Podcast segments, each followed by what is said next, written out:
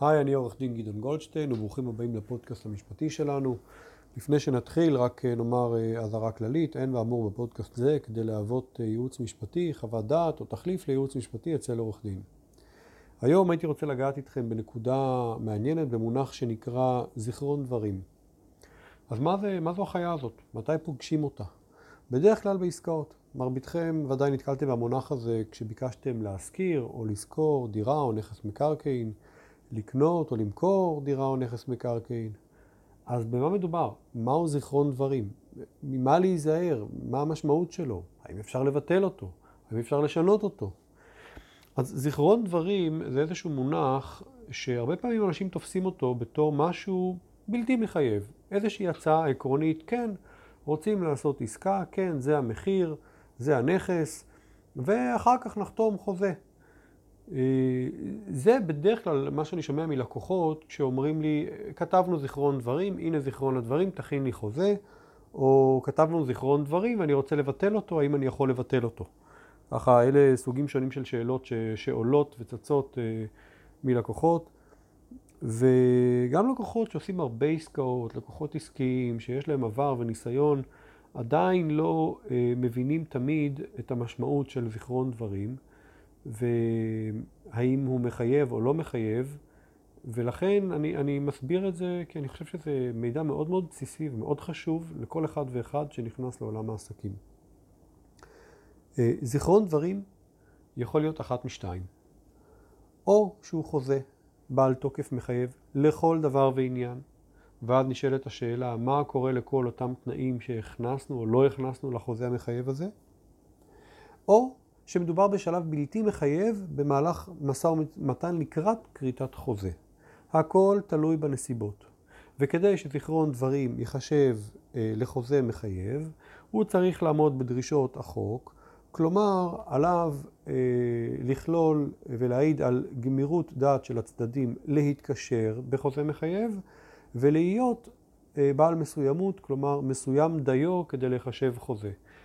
אז מבלי שאני אכניס אתכם לדיני חוזים ומהי גמירות דעת או מהי מסוימות, אה, כדאי להבין שכשאתם חותמים על זיכרון דברים שהצד השני העביר לכם, או אתם מנסחים בעצמכם זיכרון דברים, אתם רוצים להעביר אותו לצד השני, כדאי מאוד קודם כל שתחליטו האם אתם רוצים להתקשר כאן בהסכם מחייב.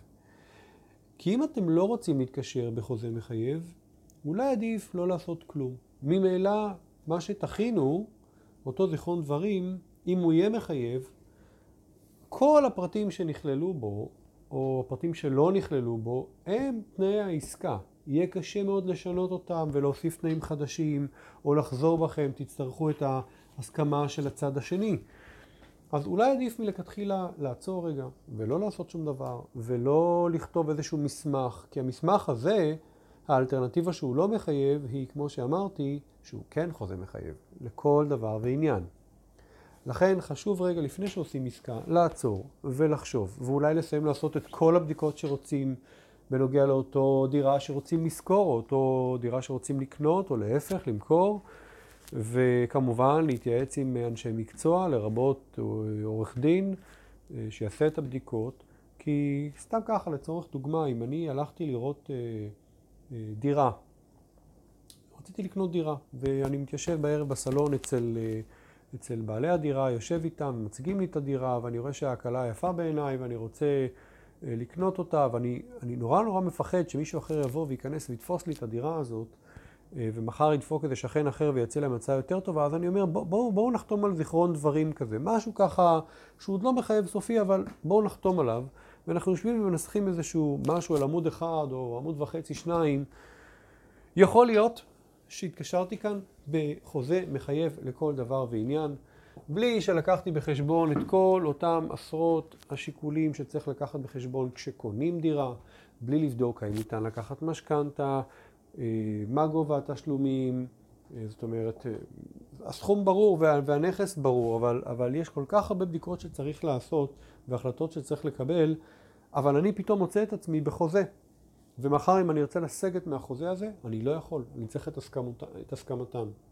לחלופין, אם לא עשיתי איתם זיכרון דברים, או עשיתי איתם, סליחה, לחלופין, אם עשיתי איתם זיכרון דברים שהוא לא עולה כדי חוזה מחייב, אלא הוא סתם זיכרון דברים. כלומר, אני לא יכול לקחת אותו לבית משפט אחר כך ולאכוף את החוזה הזה, אם הצד השני לא ירצה לקיים אותו, אז לא עשינו כלום. אז מה עזר לנו לכתוב את אותם פרטים על גבי המסמך זיכרון דברים, פרט אולי לכך שלגרום לצד השני לחשוב פעמיים לפני שהוא חותם על עוד זיכרון דברים או עושה הסכם עם מישהו אחר.